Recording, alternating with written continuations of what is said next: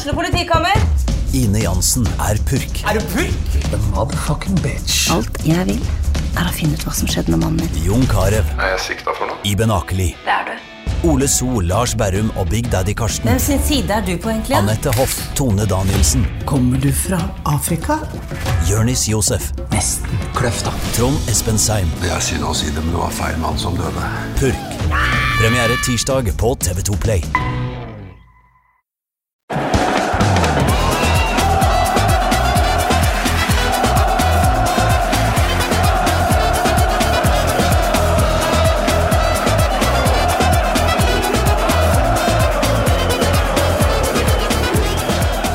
Hjertelig velkommen til eh, årets nest siste Pyro og Pivo. Eh, Vi har noen dager igjen før eh, Marius Helgaa tar på seg nisselua og forteller om hvilke niendedivisjonskamper i Sverige han har vært på de siste ukene og tidligere i år. Før vi kommer så langt, så skal vi snakke om det vi i Norge definerer som toppfotball, i hvert fall, nemlig Eliteserien og Eliteserien 2023. For der har terminlista ganske nylig kommet ut. Spilleplanen er det noen som vil kalle det. De eh, får ikke lov å være her i dag. Eh, noen som får være her i dag, er eh, fotballkonservatiker Det er kanskje ikke et ord. Lars Råstad, velkommen. Tusen takk, Morten. Tror du folk husker deg fra de to forrige gangene du har vært her? Eh, Forhåpentligvis i hvert fall de som hørte de to episodene. Mm. Noen har kanskje fortrengt det. jeg vet ikke. Ja, det er vel eh, pluss-minus et år siden du var her første gang, og nærmest tømte deg i fanget mitt med ting du syns man ikke må forandre med fotball. Mm. i episoden som bare heter fotballkonservatisme. Som egentlig handla om at man må beholde alt sånn som det har vært. Men øh, gjelder det også rettighetshavere?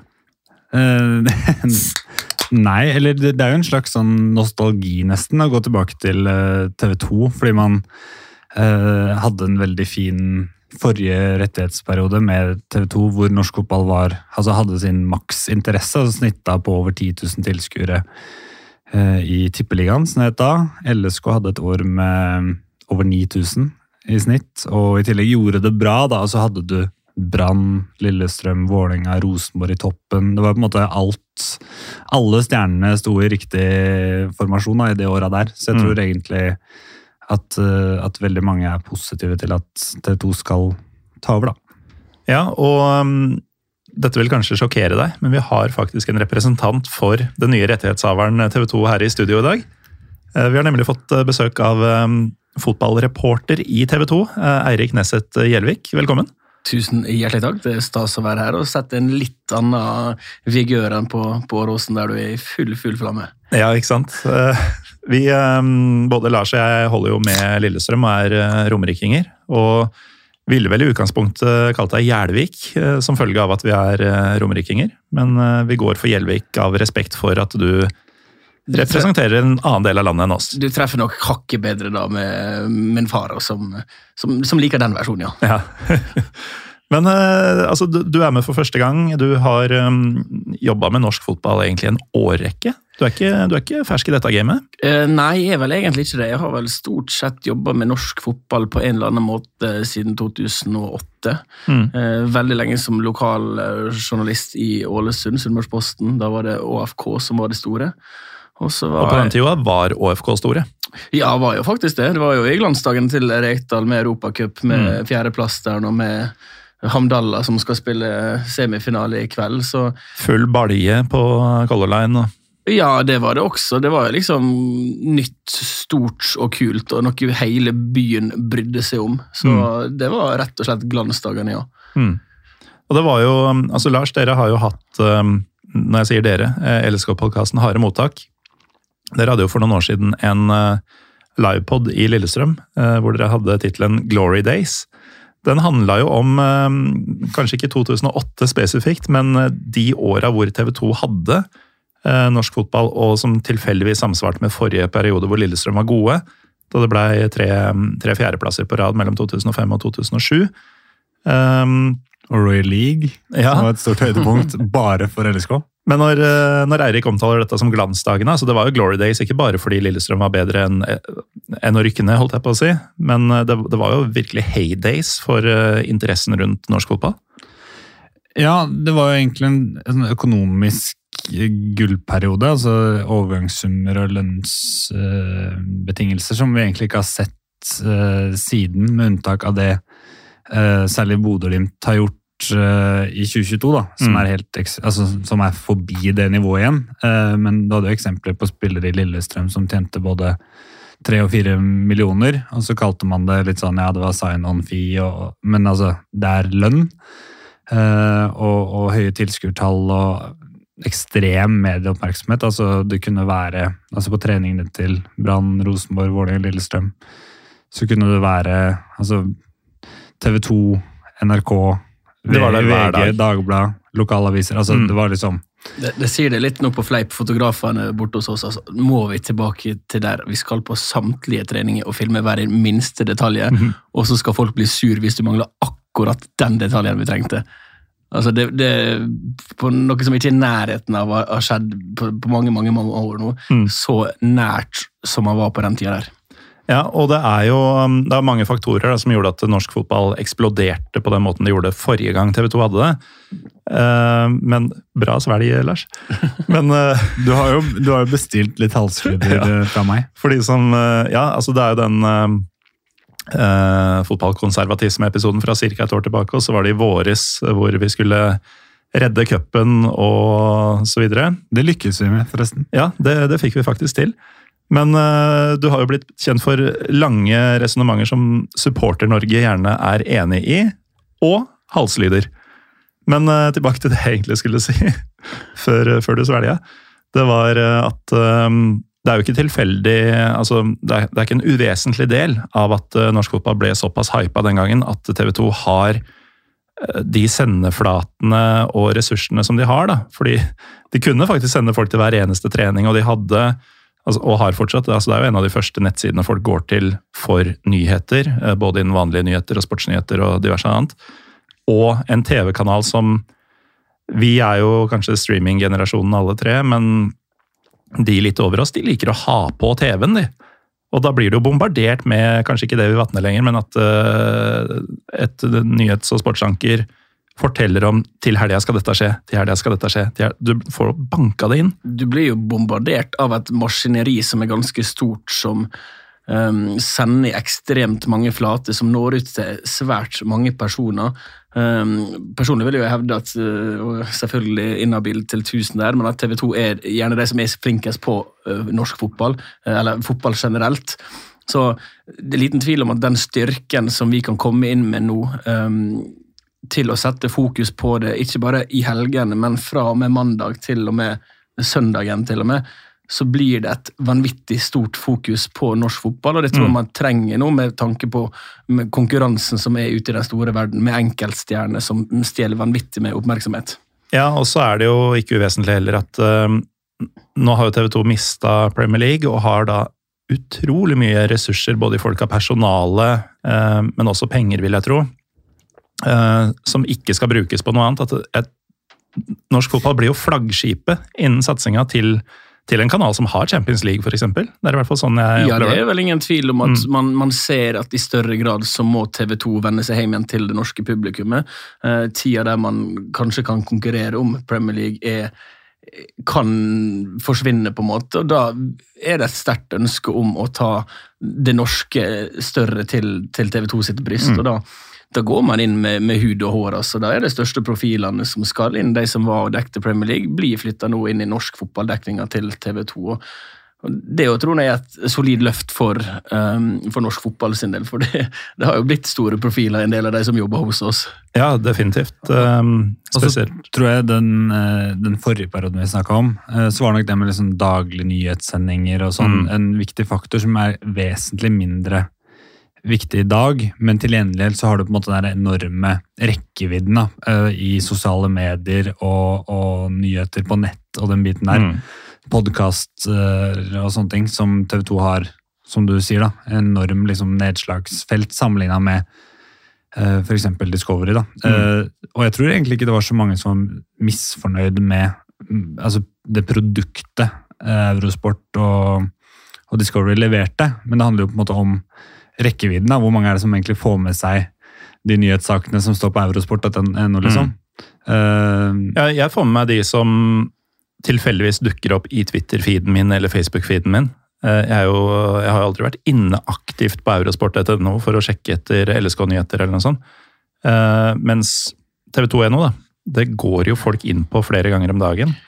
Jeg syns Eurosport var flinke til å begynne med. At det virka som man prøvde å bygge opp ei satsing der nå, og så flata det litt ut. og Spesielt mot slutten, man begynte å miste en del av de som er de største profilene nå, så føltes det ut som at ja, vi gir litt opp på eurosport.no, men altså sendingene um, og, og kampdag og alt mm. sånt, så var det, er flinke folk som var der. Det er jo ikke problemet, men utfordringa er jo å, å klare å få norske spillere til å bli diskutert eh, til, til lunsjen, til å være i snakkisen til folk. Sant? Du mm. snakker mm. om den kampen som, som, spilles på søndag, og da trenger du Du trenger ikke bare TV 2 heller, men du trenger at eh, egentlig hele Medie-Norge gir større oppmerksomhet til norsk fotball.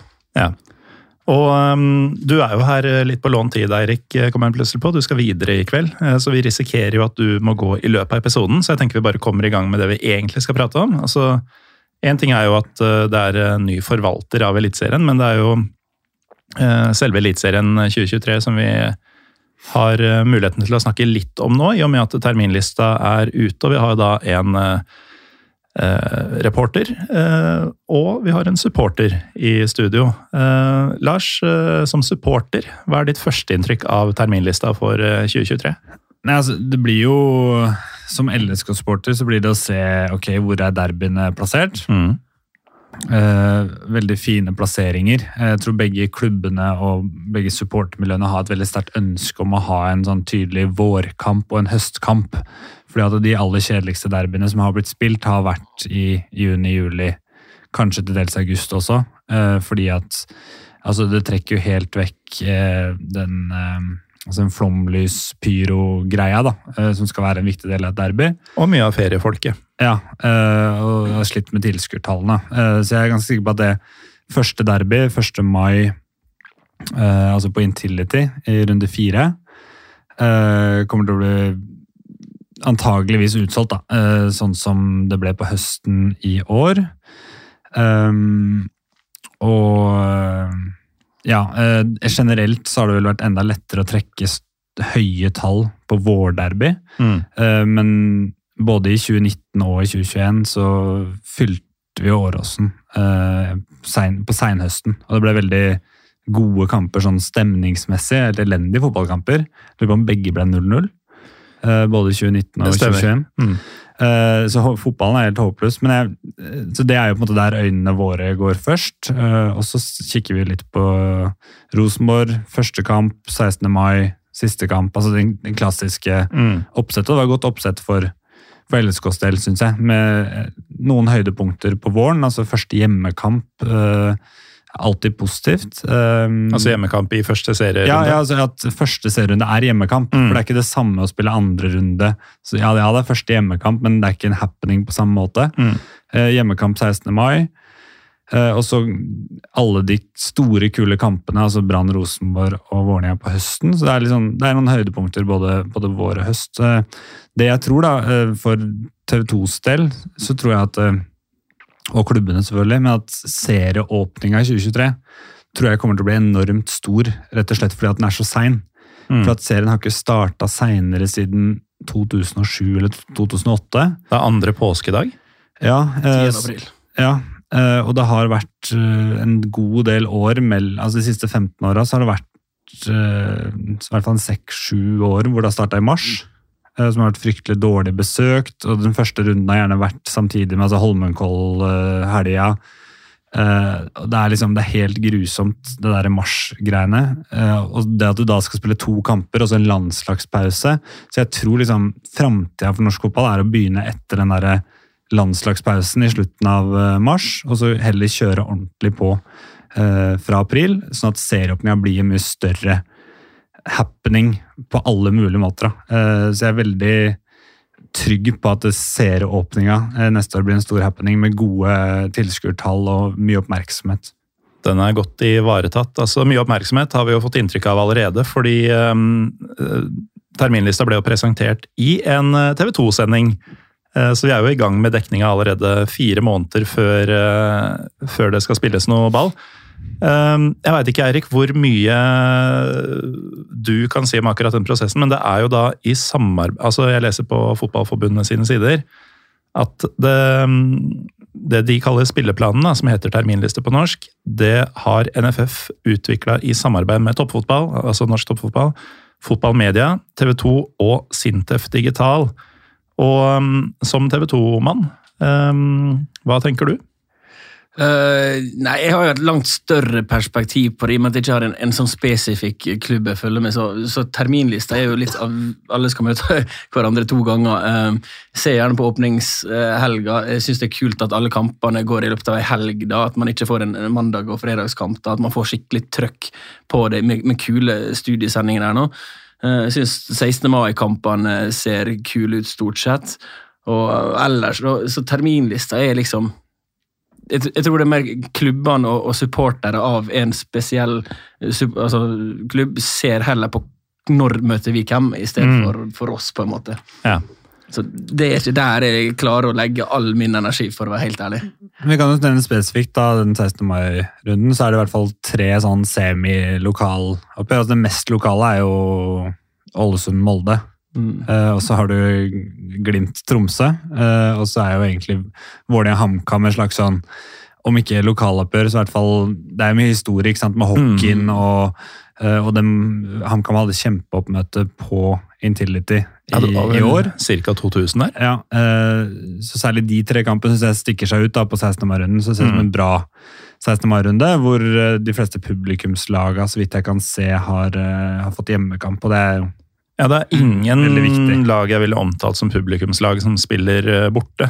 Nei. Men så er jo dette litt sånn avveining. da. Hadde, hadde man uansett trukket folk på de oppgjørene likevel hvis Mm. det ikke var 16. mai, kunne man fylt opp liksom et dobbeltoppgjør hvis du spilte en annen kamp 16. mai.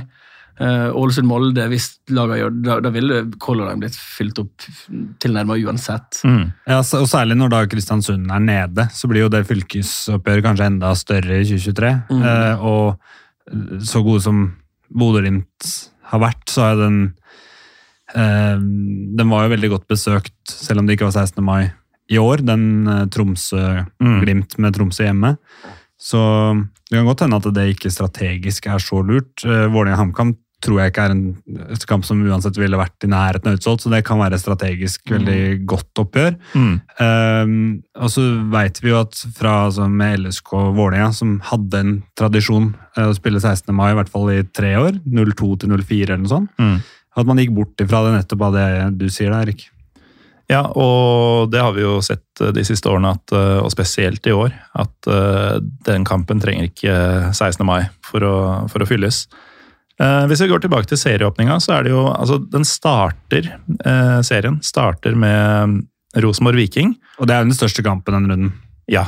Eh, som egentlig får meg til å tenke sånn TV 2 var alltid gode på å kalle det hovedkamp, den derre kveldskampen på søndag. Eh, er det Skal hovedkampen gå tidligere nå, eller er det rett og slett sånn? Hovedkampen skal gå eh, 45 minutter tidligere, blir det vel. Altså, før, i, I år så var det vel 20.00 ganske lenge, Ja, men neste år så blir det 19.15 hele tida. ja, for det de kalte hovedkampen, Det, er da det den er siste hovedkampen som er, matchen. er storsatsinga på, liksom, på søndagskvelden. Mm. Eh, Det trenger ikke akkurat eh, nødvendigvis å være den største kampen. Jeg tror man har fordelt litt utover, sånn at man får eh, en del av disse største lagene inn i 17 runder, som blir da hovedrunden på søndager. Mm. Det tror jeg handler litt om at man ønsker eh, på de kuleste kampene gjør det lettere for bortesupportere å komme seg til kampen, sånn at du kan få trøkk rundt de kampene der også. Ja, for det er jo, altså, som Lars sier, det er jo Rosenborg Viking som er den største kampen eh, i utgangspunktet i første runde der, og da er jo jeg så enkelt møblert at jeg tenkte sånn, hvorfor er ikke den 1915 da, som er det nye hovedkamptidspunktet? Eh, og det viser jo at det er jo en hel del, hva skal vi si, tankegang, eh, eller tankekraft eh, fra Ja. flere aktører involvert her, for å sette opp nettopp dette her på en balansert måte. Ja, den største happeninga i første runde er jo at Brann er tilbake. Mm. Så sånn sett er det jo Og i hvert fall for TV 2, Ja, rimelig, ja, rimelig å tenke at, at det er derfor de er plassert som hovedkamp, men jeg håper jo også at en viktig del her er nettopp at det er Haugesund, og at det er en helt annen reiseavstand da, for bortsupportere, eh, for Haugesund-supportere til Bergen, enn det ville vært på den Rosenborg-Vikingkampen. Mm. Eh, så jeg vet ikke om du vil si noe om eh, hvordan man tenker med reiseavstand, og prøve å unngå eh, å utdype det litt, da. Jo, det er jo altså Jeg vet jo Sist så ble det voldsomt bråk når det, når det lakk ut at det ble fredagskamper og, og mandagskamper der. Og det er jo ingen av det i, i de første rundene. Og det man er veldig tydelig på der, er at man skal ta hensyn til at eh, reiseveien skal være kort hvis det blir en fredag eller en mandagskamp. Så man har jo et bevisst forhold til akkurat de tingene der nå. Um, og samme at eh, Jeg tror veldig mange forventer at 1915-kampen skal være den heite, den der det to, det største oppgjøret, men jeg tror ikke nødvendigvis at det alltid blir sånn. Det blir, det blir større fordelt utover her nå. Jeg vet ikke om Viking og Haugesund er de beste eksemplene, men um, at det skal tas hensyn til at supportere skal kunne komme seg hjem igjen, det tror jeg er helt avgjørende. Og Da tror jeg ikke det nødvendigvis kunne dreie seg om bortesupportere, faktisk. Det kan like gjerne være i Ehm, i, i Ålesund eller i, i, i Molde, der reiseavstand for heimesupportere også er lang, sånn du ikke får 19-15-kampen hver gang. Jeg tror Det er vel en regel på at du maks kan ha um, tre eller fem kamper i 1915, liksom den Og, um, og da må det jo automatisk der fordeles uh, ja, og da må utover du fordele ut uh, ja. Ja, for det er et maksantall på fredag- og mandagskamper. Mm. eh, også et maksantall på hvor mange av de som skal være bortekamp. Ja, her eh, bladde det faktisk litt opp. Altså, maks sju av laget dine sine 15 heimekamper kan flyttes ut av hovedrunden, som er 17 runden. Så da er du allerede garantert at du vil få en del i, Mm. i, i primetime der. nå. Eh, søndag 1915 kan du maks ha fem heimekamper, eller maks fem bortekamper. Samme med lørdager. Eh, så, Mm. Så, så det er jo en del sånne ting der som man må ta hensyn til. Mm. Men det mest kontroversielle er jo fredag og mandag eh, for en del reisende supportere. Og der er det vel noe sånt som maks én eh, bortekamp mandag, en, maks én fredag, eller eller sånt? Du kan sånt. totalt maks ha tre, enten eh, eh, fredag eller mandag.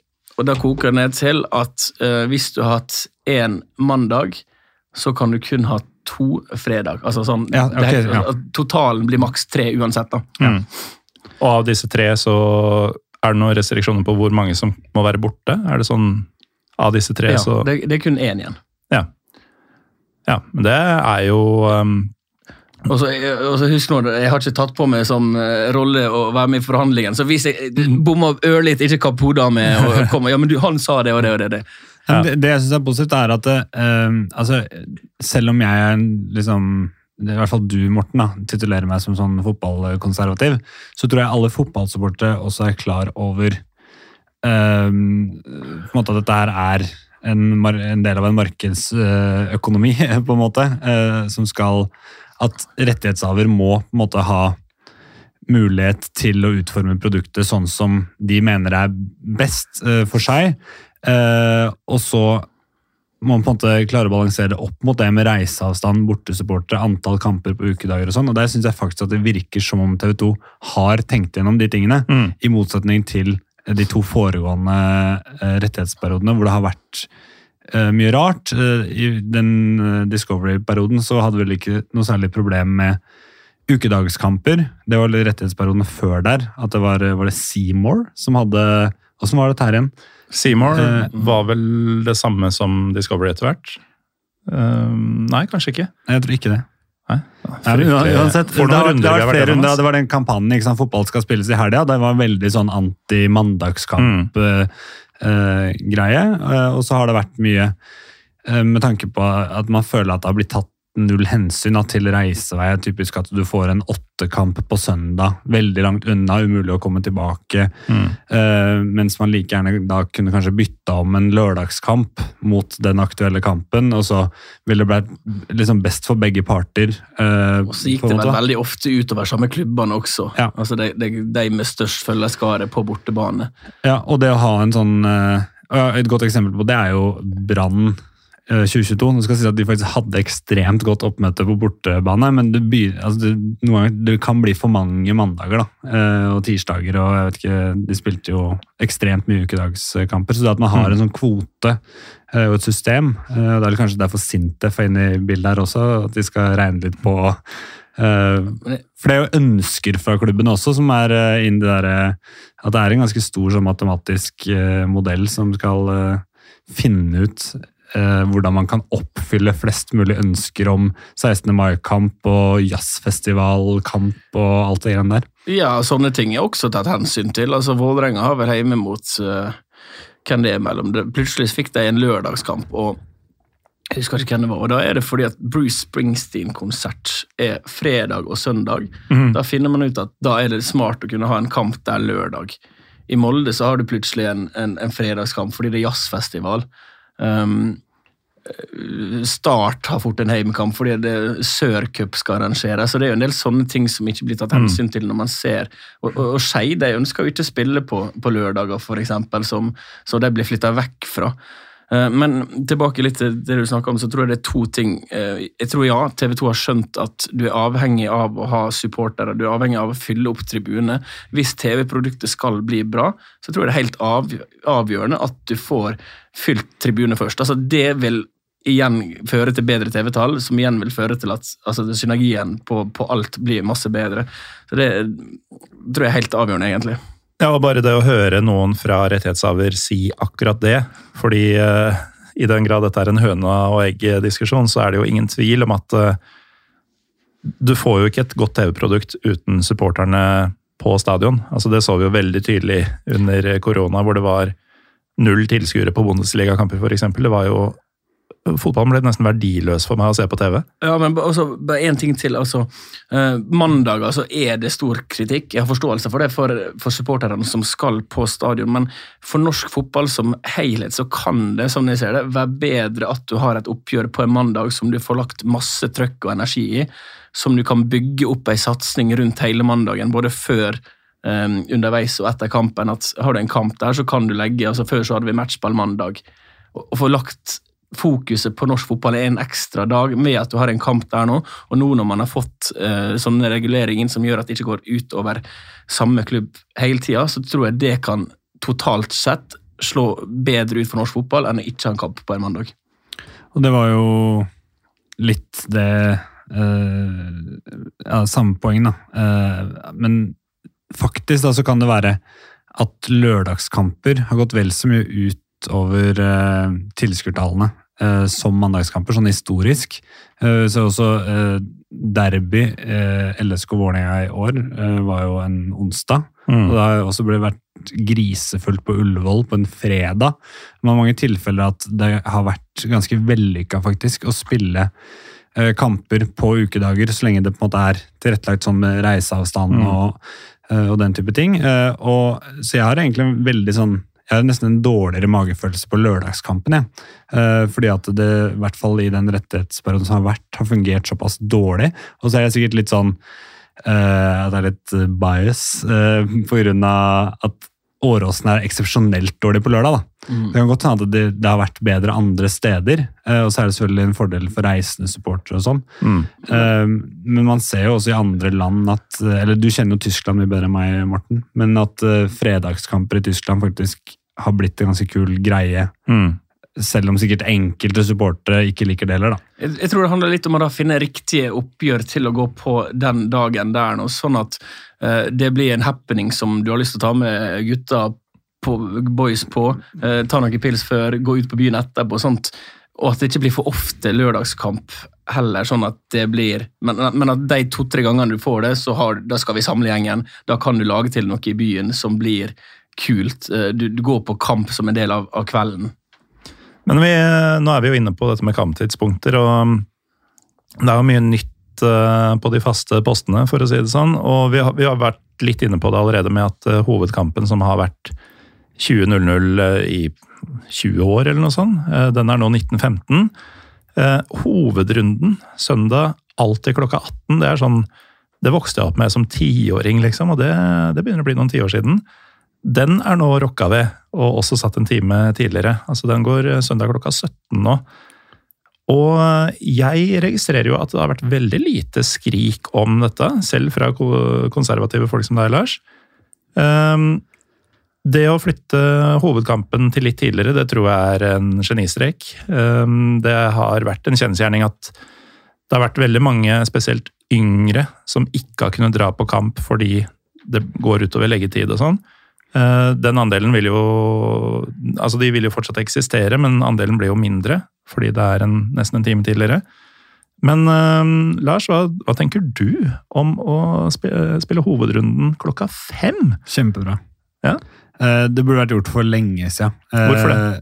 Nei, altså, du, det er jo et bevis på hvor lurt det er, er jo det Eurosport eller Discovery da, gjorde Det var vel de siste åtte rundene eller noe sånt i, i år.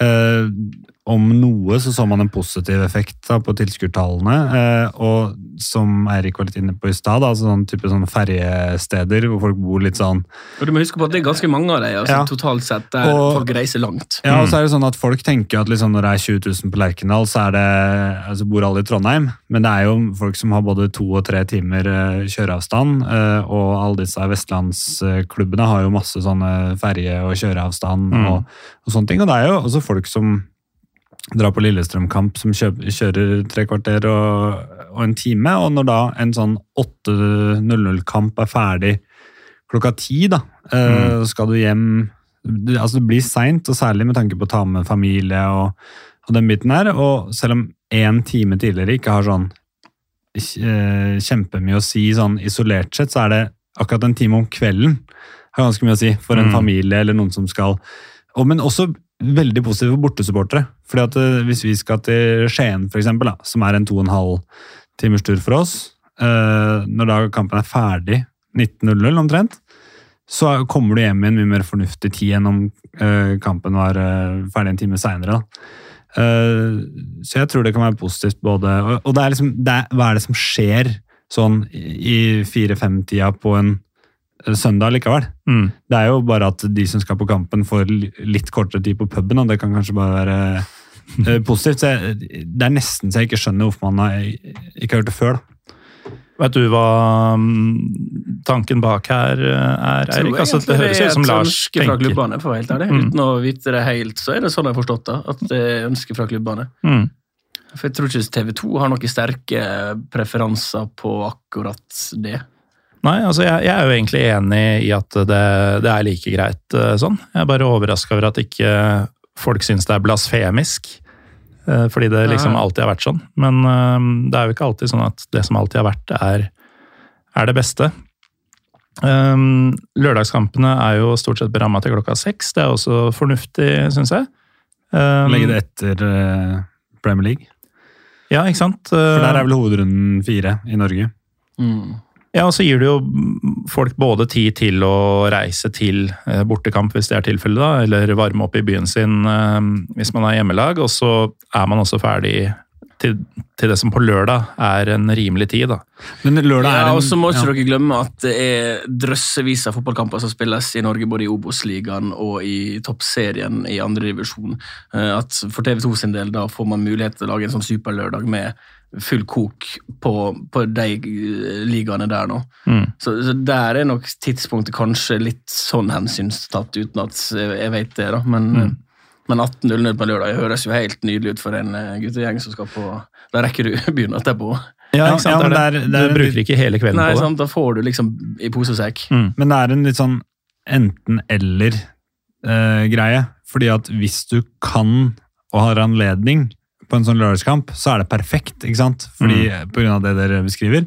Men samtidig en dag hvor, eh, hvor mange kan være opptatt av ulike ting.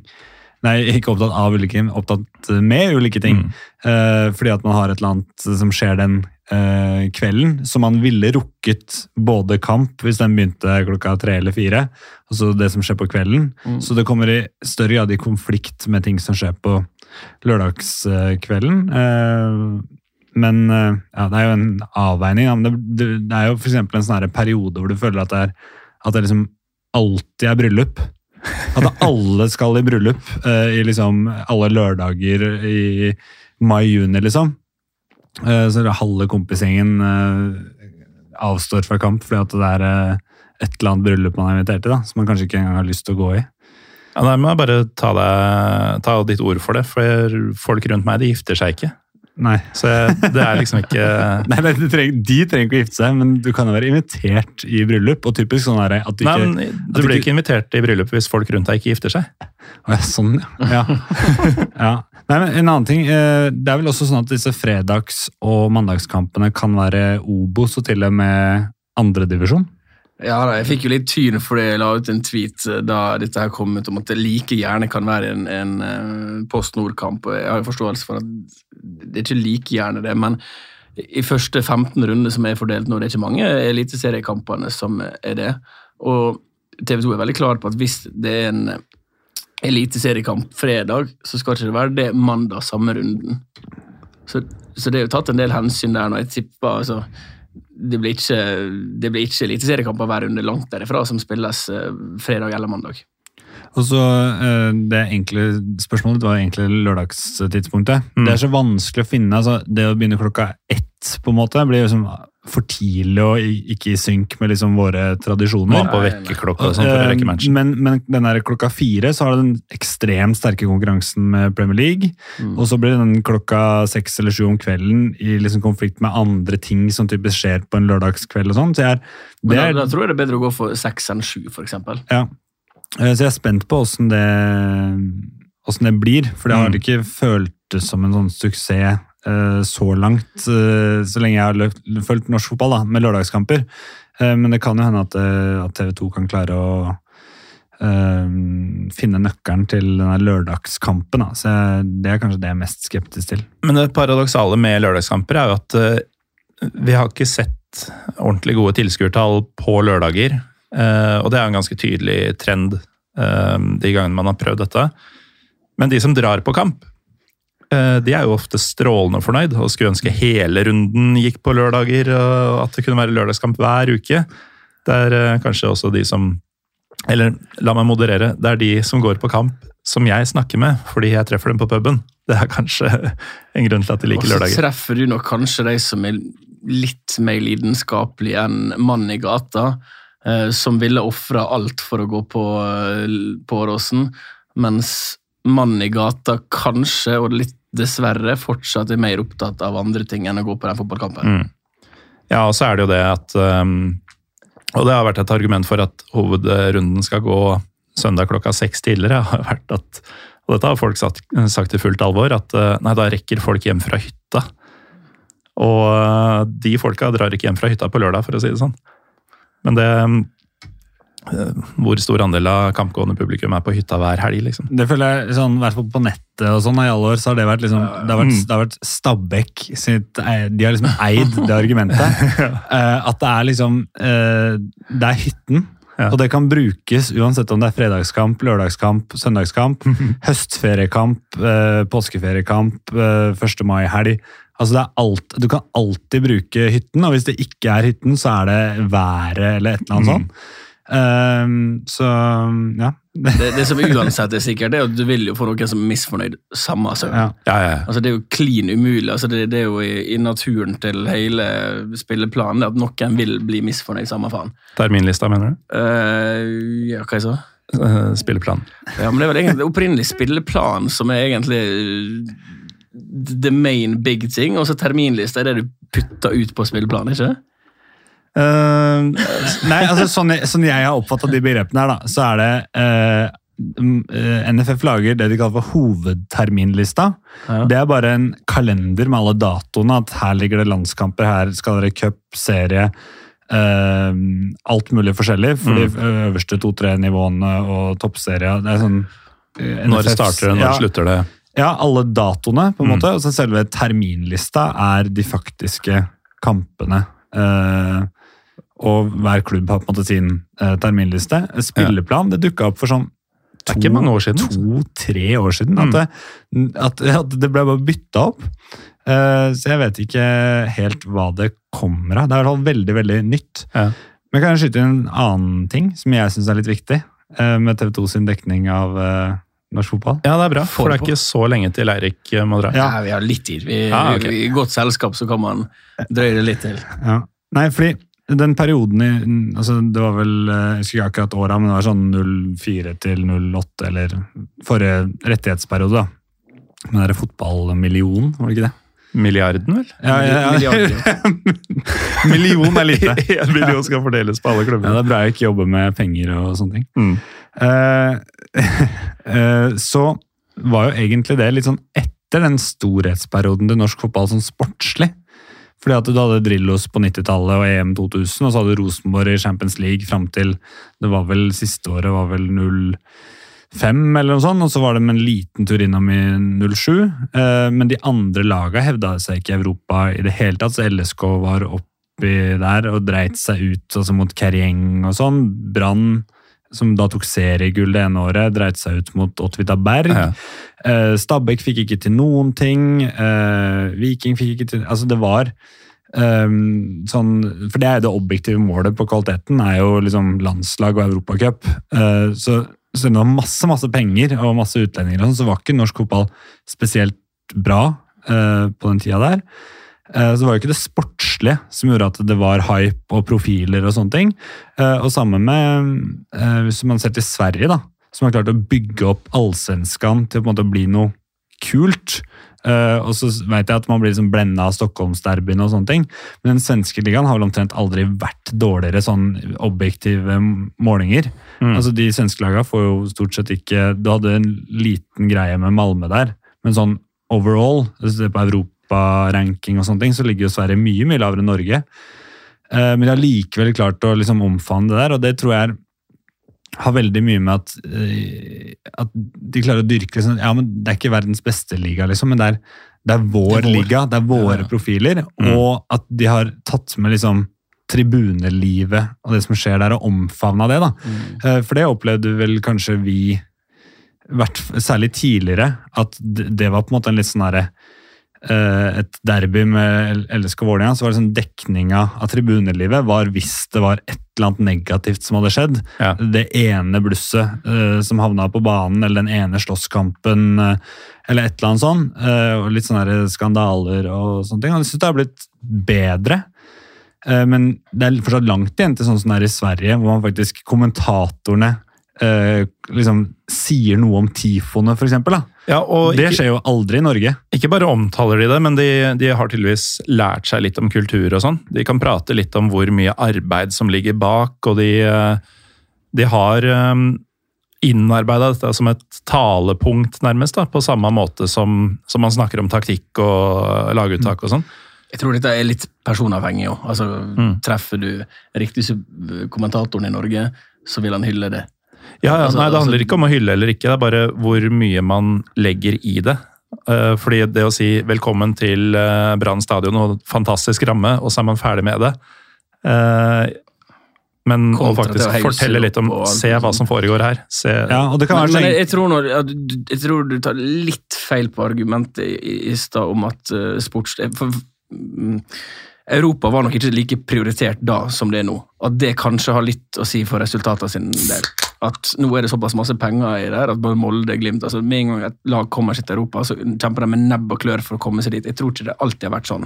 Nei. Det er én ting. og eh, Går vi tilbake i glansdagene i 2006, der nå, hvis du ser på hva klubber som var i toppen da, så var det Brann, det var Rosenborg, det var uh, Vålerenga. Det var liksom publikumslag som klarte å skape profiler på en helt egen måte. Du hadde profilene, du hadde liksom eh, de som De riktige folka spilte i riktige klubber som gjør at mediebildet blir helt annerledes. Du kan si masse du, så masse du vil om Molde og Bodø-Glimt, men det er ikke like lett å få profiler fra de to klubbene der nå, som det er fra det som tradisjonelt sett er eh, ja, som var Lillestrøm på den tida, som, som var eh, litt mer sånn bias-klubber som Mm. hadde de profilene der. da. Og Molde og Bodø-Glimt nå, det, det er hyggelige folk, det er ingenting med det å gjøre, men Kjetil Knutsen får ikke med på noe sånn uh, utenomsportslig uh, rør, for å kalle det. Du får ikke med uh, Patrick Berg, du får ikke med Magnus Wolff Eikrem, du får ikke med Erling Moe. Det fikk du med Nansko, du fikk med de kule folka der nå, som gjorde at det, um, det ble kjendisene på gata. Ja, og så bare for å understreke, altså mitt poeng er at uh, uh, det går an å bygge opp et produkt på en måte litt uavhengig av det er jo ikke at jeg, Absolutt, jeg, jeg jeg, at jeg, vil ikke ha, jeg vil ikke ha et lavt sportslig nivå i Eliteserien, men jeg tenker at det, det, når alt kommer til alt, så uh, skal på en måte ikke TV 2s uh, eller andre mediers dekning av Eliteserien avhengig om vi er nummer 12 eller 24 på Europarankinga, liksom, av ligaranking. At, at det handler om å omfavne det som er vårt. og også det at jeg er enig i at personlighetene var jo veldig sterke på den tida. Du hadde liksom Martin Andresen i Brann og Mm. Nanskog i Stabæk. Du hadde, særlig kanskje på ledersida i Lillestrøm, ikke sant? med Fjørtoft, Ja, Nordli. Røsler. Mm. Ikke sant? Eh, Du hadde et veldig godt utgangspunkt, men, eh, men det handla også om å si, dyrke og skape de profilene. Som et eksempel så kunne jo altså Sånn som Gjermund Aasen er egentlig en sånn fyr som eh, kunne gått helt under radaren, men som LSK faktisk har vært ganske flinke til å liksom dytte litt foran seg.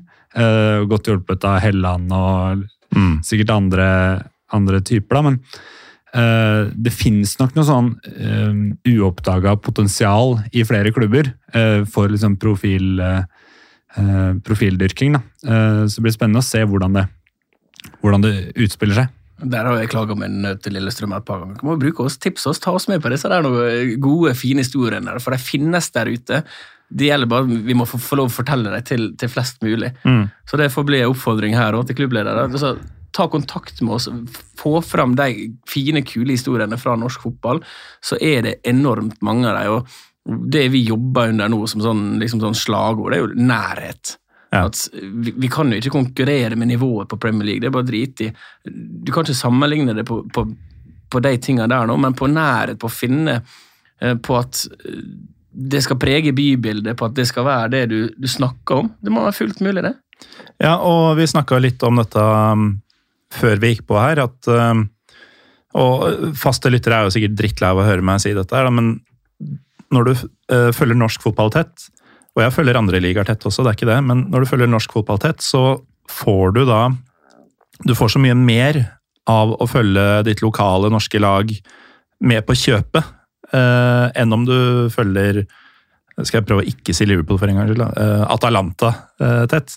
Du kan eh, være like interessert i det som skjer i klubben og sportslig, og sånn, men her kan du faktisk du kan treffe disse folka. Du kan leve livet som spillerne lever, i praksis. Altså, du kommer så mye tettere på, og du blir en, my du blir en del av kulturen.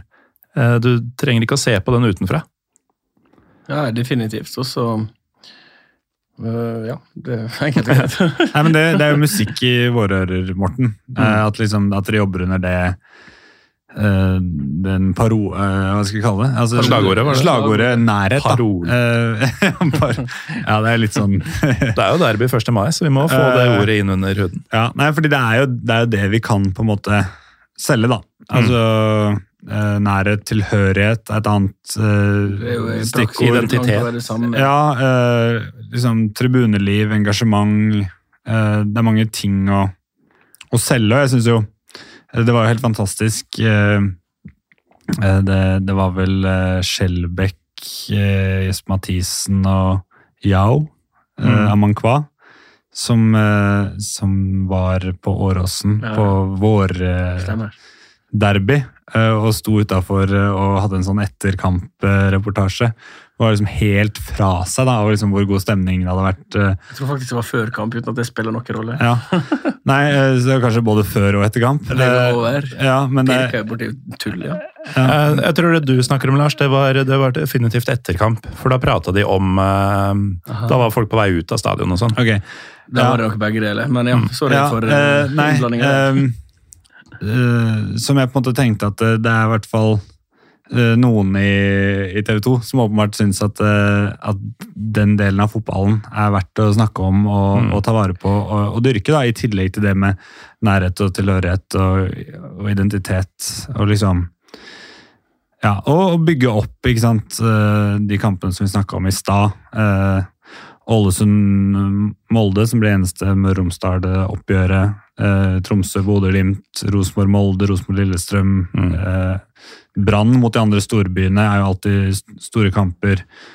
Eh, at det, er, det er mye å ta av og dyrke og liksom bygge på. da. Men så må Eh, du, må du og, og huske at eh, vi vil jo ha all mulig nærhet. Vi vil jo være med i garderober før og etter. Vi vil ha, være med i tapergarderober, på en måte. Vi vil ha, eh, hadde vi fått velge, så hadde vi fått intervjue spillere når de ble bytta ut med en gang. Um, eh, Husk at ofte så er det klubbene som har satt foten ned for ting som det her nå. Um, man har liksom tenkt at ja, men se Premier League, se ditten, se datten. Jeg tror ofte klubbene har sammenlignet seg med feil ting, og at det har slått feil ut, sånn at vi ser ut som de som ikke tilbyr de tingene der nå. Jeg føler også at det er i ferd med å snu nå, at norske klubber ser at vi må faktisk eh, gjøre dette sammen. Eh, nå kommer det inn en ny rettighetshaver. De kanskje merker at eh, det daglige trykket har ikke vært der nå. Da må vi tilby oss på en helt annen måte. Veldig mange klubber merker nå, gleder seg TV 2 skal komme inn igjen og liksom ta tak i det, og jeg er klar for å være med på det. Så gjelder det å få med resten av klubbene også, som, som kanskje ikke er så åpne som, som vi håper at at de skal være. Og så var du på den der eh, i stad, at, at eh, det TV 2 på en måte skal selge, handler mye om at det faktisk er uh, fulle tribuner. Men det går jo også litt andre veien, at for å faktisk fylle tribunene, så må den dekninga til TV 2 og produksjonen og sånn uh, være god, da. For det, er også, det er jo den beste reklamen for å få folk til å gå på kamp, er jo faktisk å se det på TV og få Ja, lyst til å absolutt. være der. Uh, Så den eh, synergien der eh, tror jeg er veldig viktig, og litt derfor også jeg sa det med at det, at det er viktig at TV 2 også får lov til å lage det produktet som de tror eh, blir det beste, med tanke på selv om at noen eh, som er enda mer fundamentalistiske enn meg, gjerne skulle hatt ingen fredagskamper eller mandagskamper, så har jeg veldig trua på å faktisk eh, lytte litt til eh, det TV 2 tenker blir den beste måten å selge norsk fotball på, da. nettopp fordi at det kan dra opp tilskuertall på stadion. Et personlig ønske der har jo alle år vært å kanskje bare stenge disse øvre delene av stadion. Få alle ned sånn at det synes i TV-bilder, sånn at det ser ut som det er et bedre produkt enn det det egentlig er. Ja, men eh, det, det har det jo vært en del sånn latterliggjøring av f.eks. Odd sin håndtering av, eh, av korona. eh, Hvor du Mange klubber fikk jo til at ok, vi bruker denne ene tribunen, da. Ja. Og så er det f.eks. langsida som er i TV-bildet, og så ser det ja, Med 600 og sånn, så ser det fortsatt dumt ut, men det ser ikke så ille ut som det Mm. kunne gjøre. Men øh, det var vel Odd, tror jeg, som bare stua bort øh, folk på, øh, bak et mål, gjerne på øvre del eller noe sånt, så det så jo minst like glissent ut som det øh, gjorde før det var noen som fikk gå på kamp. Ja, for den øvre-nedre greia eh, tror jeg er veldig hensiktsmessig, og særlig på de litt større stadene, sånn som Ullevål burde jo egentlig aldri åpna øvre del før nedre var utsolgt. fordi Mm. at det, eh, det kan være 12 000 på Ullevål, og så ser det jævlig bra ut i TV-bildet så lenge du ikke bruker øvre del. Ja. Eh, Faktisk, Det har vært litt sånn diskusjoner internt rundt LSK også, om det går an på en eller annen måte å eh, gjøre billettsalget på den hovedtribunen som er synlig i TV-ruta, Mm. eh, bedre. Uh, Istedenfor at det kanskje da er uh, flere folk på den langsida du ikke ser, og så plassere f.eks. på Åråsen, hvis det er få bortesupportere, så står de gjerne i det hjørnet som er minst synlig Mm. TV-ruta. Hvorfor, og så er det tomt eh, på det som faktisk kunne vært synlig. Og det å eh, gjøre sånne små grep for å, for å heve TV-produktet er jo også en eh, mulighet. Uten at det, det kommer nok ikke til å bli noen endringer uh, på Åråsen, men det var i hvert fall en diskusjon, Uh, eh, fikk jeg med. da. Mm. En annen sånn semi-kjepphest der er om man kunne klart å synliggjøre bortesupportere enda bedre. Gjort det lettere eller billigere eller et eller annet sånt. For det, jeg tror det er helt avgjørende for opplevelsen med å gå på kamp. At du har to supportergrupper mot hverandre. At du får litt sånn kniving, du får litt faenskap, du får litt X-faktor der nå. Altså ta eh, for min del som sunnmøring å få med seg tre-fire kompiser på kamp. Du gidder ikke å gå på en kamp du ikke bryr deg om, der det er altså Vålerenga mot Stabæk, men får du Vålerenga mot Lillestrøm, der det er et kok, så er jo det det er jo store deler av opplevelsen å få med seg supporterne mot hverandre. Ja, klart det, og jeg husker jo fra, eh, fra gamle dager da jeg ikke hadde gitt opp å rekruttere f.eks. nye kompiser på videregående til å gå på Åråsen. eh, Så var det f.eks. en fyr som La oss kalle han Svett-Per, da. Eh, Som var med på enkelte kamper, som definerte seg som LSK-supporter, men ikke var sånn superivrig. Men uh, han blei med iblant, og da var det jo sånn at man spør ja, blir med på kamp uh, på søndag. Ja, hvem er det mot, da? Nei, uh, Bodø-Glimt. På den tida var Bodø-Glimt noe helt annet. og bare Nei, dem er jeg ikke noe interessert i å se. Så det, det var sånn det, det, var bare ikke en stor nok happening, og det var ikke nok å bare se Lillestrøm i en kamp som man kanskje forventa hjemmeseier, til og med. Det måtte være noe større, da. Det måtte være Vålerenga eller Rosenborg eller Brann eller en av de som du du veit det skjer litt eh, andre veien også. Og um, et delmål på veien her må jo bare være å få til flere kamper som oppleves mer som happenings. Og da, da må det jo tilrettelegges da for, eh, for bortesupportere spesielt, kanskje. Men Eirik, vi, vi veit ikke hvor lenge du orker å sitte med oss, men som, som, en som skal jobbe med dette her, hva er det du gleder deg mest til i um, 23-sesongen?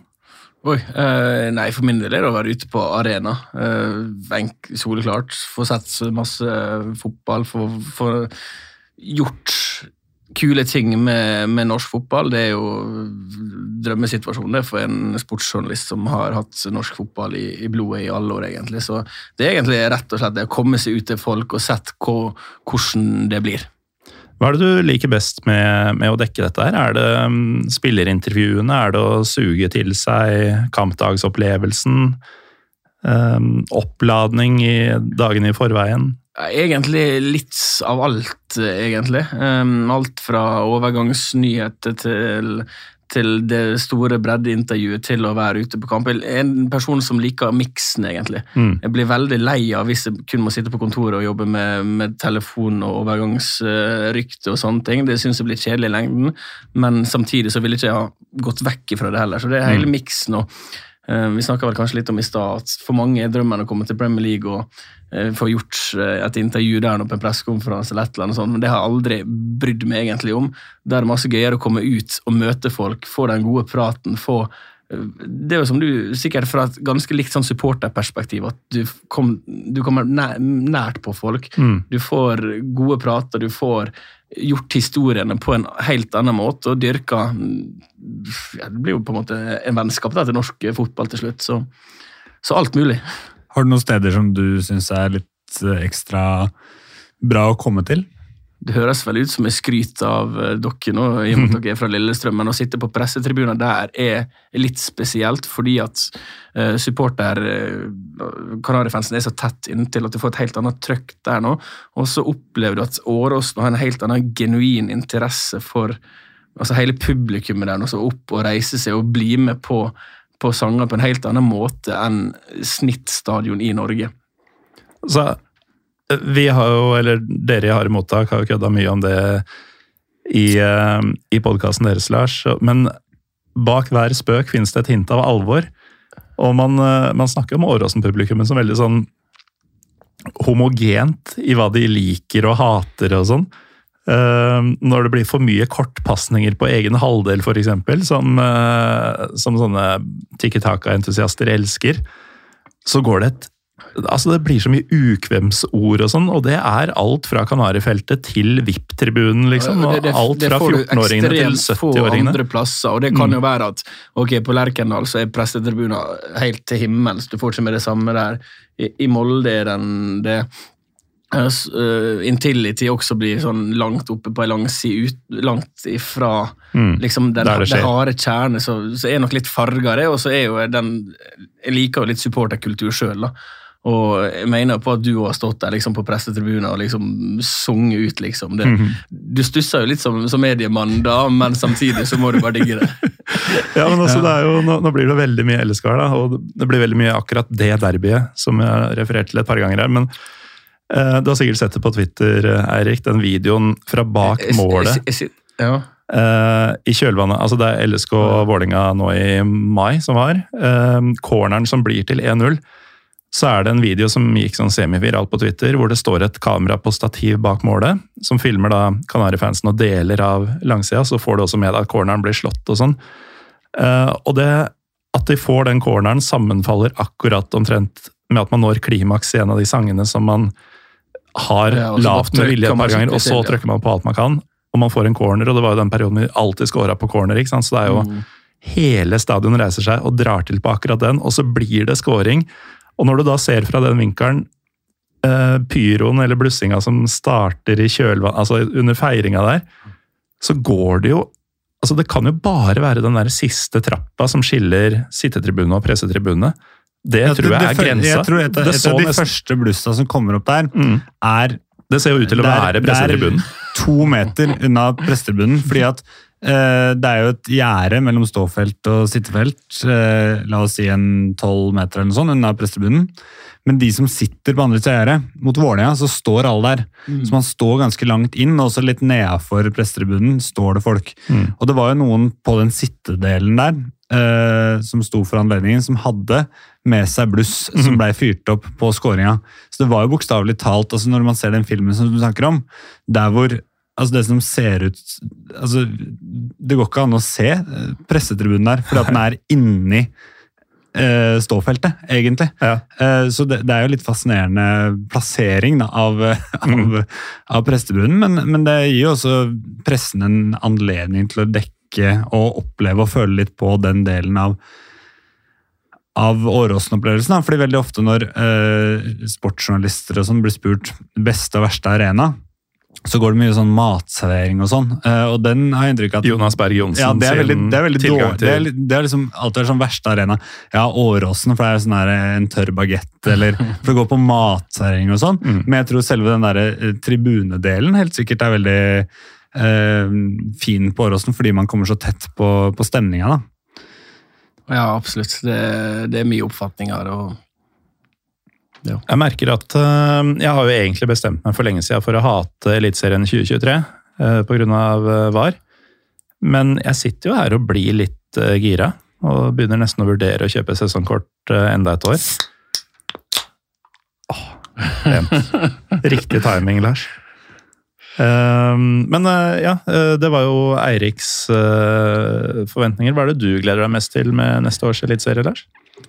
Nei, Jeg blir jo fillerista av en viss eh, person i Kanarifansen hvis jeg ikke sier eh, at jeg tenker på derby allerede nå. For Han har ringt allerede og, og preppa litt eh, derby og terminliste. og Altså For deg, Eirik, og andre lyttere som ikke er inne i dette. da. Det er en som var med å stifte Kanarifansen.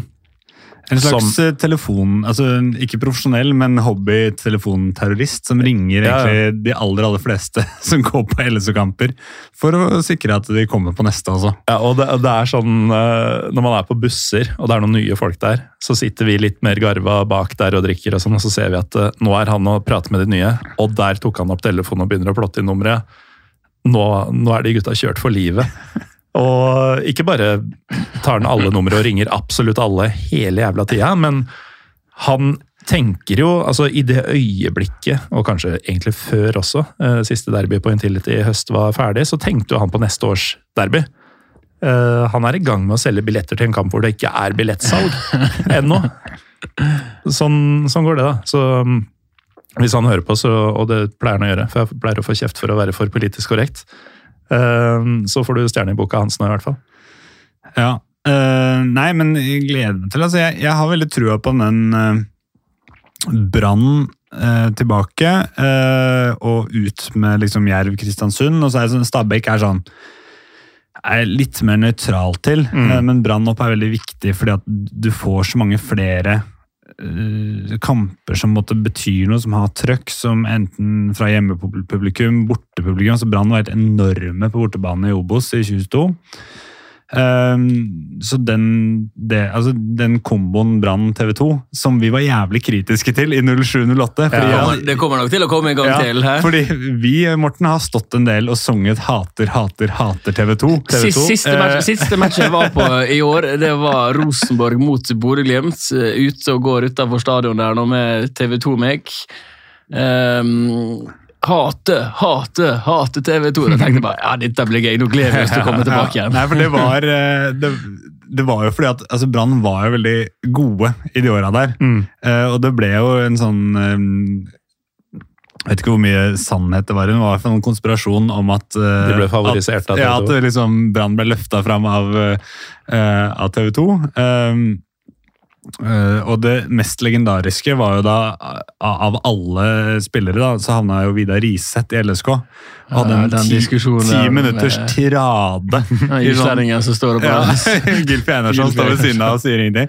Uh, og han, så det, en ting er at vi, så idioter som deg og meg, Morten, står og synger Hater, hater TV 2, men at Vidar Riseth fyrer løs i ti minutter uh, om hvor ubrukelig TV 2 er. Eh, nei. nei, men jeg tror eh, det er litt sånn at man ikke veit helt eh, hva man har før man har mista det.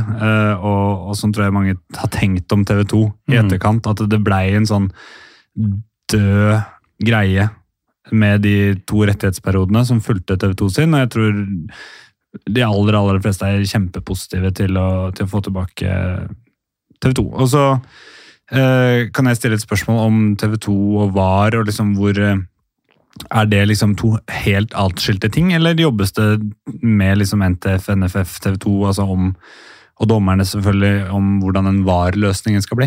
Eh, For helt ærlig så er jeg ikke involvert i det hele tatt. Jeg har ikke peiling egentlig utover det vi kanskje har lest i media, hørt litt om.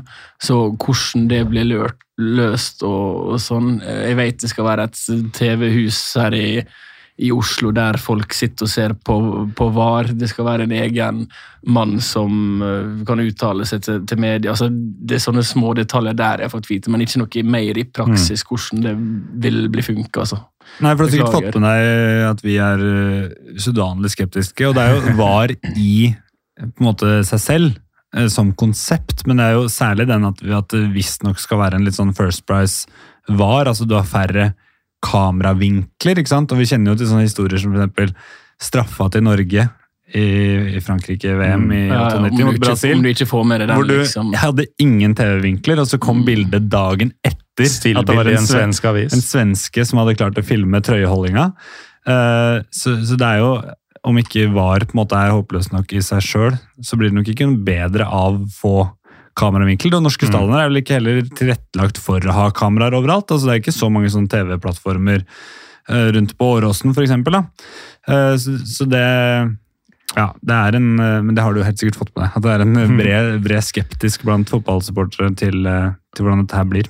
Og, Ja, altså- nå, og nå ble VAR et tema, så jeg tenker jeg tryggest å stikke. Nei, jeg Nei, det er, um, um, men jeg må stikke, men full forståelse for uh, akkurat uh, det. Det er jo som å sjøl altså, sitter og ser jubelscener som du kan få når det er um, var så, så blir det noe annet med den genuine der du bare hopper opp og jubler og alt mulig sånn. Så jeg skjønner skepsisen. og Altså, Um, det er det å være Det å vite at eh, den tida er over hvor etter at du har kastet et kjapt blikk på linjemann, ikke noe flagg, kjapt blikk på dommeren som peker ut mot eh, midtstreken, så er det ikke noe som kan ta fra deg dette her. Den tida er over. Sånn sett så får du to jublinger nå. Nei, nå blir du veldig Petter Wæland, Erik. Um, og, og, og når man blir for Petter Wæland, da er det på tide å gi seg. Så Eirik Ja, uh, Nesset Gjelvik, eh, tusen takk for at du kunne komme. På kort varsel for øvrig. Eh, strålende. Ja, sånn er det å være superreserve. Det må man bare trå til når man kan. Men eh, nei, avslutningsvis, altså, vi, vi gleder oss veldig. Vi vet at noen vil være kritisk, eh, skeptisk og, i- og mislike oss sånn. Eller jeg vet i hvert fall, jeg vet ikke om alle andre vet det. Jeg tror det er i fotballens natur. Eh, Men jeg tror både vi supportere og norsk fotball generelt kommer til å synes at dette blir meget, meget artig. Ja, altså jeg mener, altså Hvis vi skyver VAR til side, da, så mener jeg at alt ligger til rette for at uh, norsk fotball kommer til å få- en ordentlig, ordentlig boom uh, interessemessig. Og det, det er jo dere en stor del av, uh, av regnestykket på, da. Eh, uansett, takk Eirik for at du var med. Tusen hjertelig takk for invitasjonen. Kos deg videre med det du skal i kveld. Takk for det. Um, takk til deg også, Lars Råstad, for at du For at du um, det, Ja, det er bare å gå, Eirik. Vi, om, om det smeller litt i døra og, og sånn. Uh, takk for at du var med, Lars. Bare hyggelig. Atter en gang. Det har ikke vært så mange halslyder i dag. Nei, jeg har eh, kanalisert dem ut til siden, fordi du har prata en del, Eirik har prata en god del. Og da har jeg kunnet eh, ta ut disse smårapene underveis. Uh, vært Istedenfor Fordi eh, da jeg var her tidligere, så var det jeg som prata 90-95% av tida. Mm. Ja, mye monolog. Eh, Og da måtte disse halslydene ut, så jeg håper det har vært en ok lytteropplevelse. Eh, Jeg tror det har vært det. ja. Eh, til tross for litt sånn merkelig dialekt på han som eh, akkurat eh, dro. Men i hvert fall takk for at du var med, og takk til dere som hører på. Det blir en episode til før jul. Tradisjonen tro så er det Marius Helgå som kommer for å fortelle om sitt banehoppingsår, og han kommer da. Jeg skal få han til å gjenta at han spiser grøt på julaften. Altså, det gjør mange, men det er altså middagen hans på julaften. Har du Syns du det låter spennende og nytt, så er det bare å søke opp eh, tidligere juleepisoder med Marius Helgaas, så vet du hva du får eh, neste uke. Og da greier det seg. Mitt navn er Morten Gallosen. Vi er Pyro Pivopod på Twitter og Instagram, og vi høres da en gang til før jul.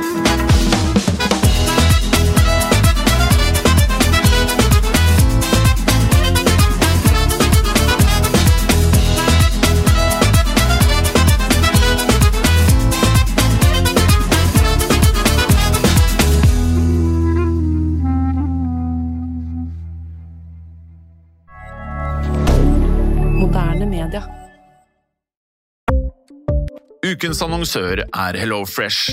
HelloFresh er verdens ledende matkasseleverandør og kan være redningen i en travel hverdag. Mange av oss har nok vandret i butikken både sultne og uten en plan for middagen, som ender med at vi går for de samme kjedelige rettene gang på gang. Middag burde være dagens høydepunkt. Som HelloFresh kan du nå velge mellom 25 ulike retter hver eneste uke, eller få HelloFresh til å sette sammen menyen for deg. Dette gir deg muligheten til å prøve nye og spennende retter alene eller sammen med familien. Du velger antall porsjoner og får alt levert på døren på et tidspunkt som passer for deg. Oppskriftene er enkle, og maten er lett å lage både for store og for små. Ved å få alt levert hjem får du også mer tid til å dele matgleden med familie og venner. Kanskje det frister med asiatiske tacos eller greskinspirert kylling? Da kan jeg anbefale deg om å gå inn på hellofresh.no. Her kan du bruke koden FOTBALL og få opptil 1779 kroner i rabatt på de første fem matkastene hvis du ikke har prøvd HelloFresh tidligere. Du kan også bruke rabatten hvis du har vært kunde og stoppet abonnementet ditt for tolv måneder siden eller lengre. Gå inn på hellofresh.no og bruk koden FOTBALL. Har du et enkeltpersonforetak eller en liten bedrift? Da er du sikkert lei av å høre meg snakke om hvor enkelt det er med kvitteringer og bilag i fiken, så vi eh, gir oss her, vi. Fordi vi liker enkelt. Fiken superenkelt regnskap.